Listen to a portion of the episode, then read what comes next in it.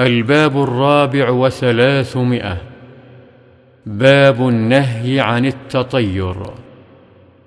وعن أنس رضي الله عنه قال قال رسول الله صلى الله عليه وسلم لا عدوى ولا طيرة ويعجبني الفأل.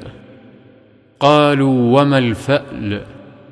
قال كلمة طيبة متفق عليه.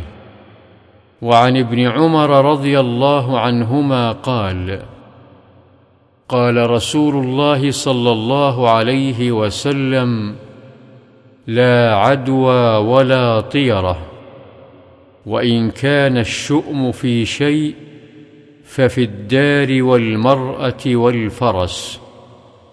متفق عليه. وعن بريدة رضي الله عنه أن النبي صلى الله عليه وسلم كان لا يتطير. رواه أبو داود بإسناد صحيح.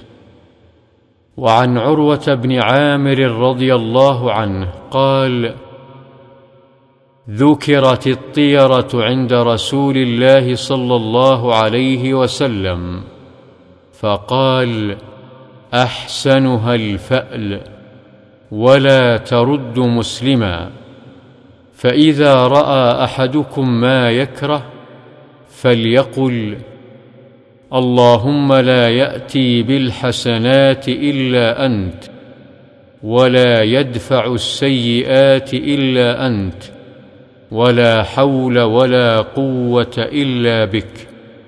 حديث صحيح رواه أبو داود بإسناد صحيح وضعفه الشيخ الألباني رحمه الله.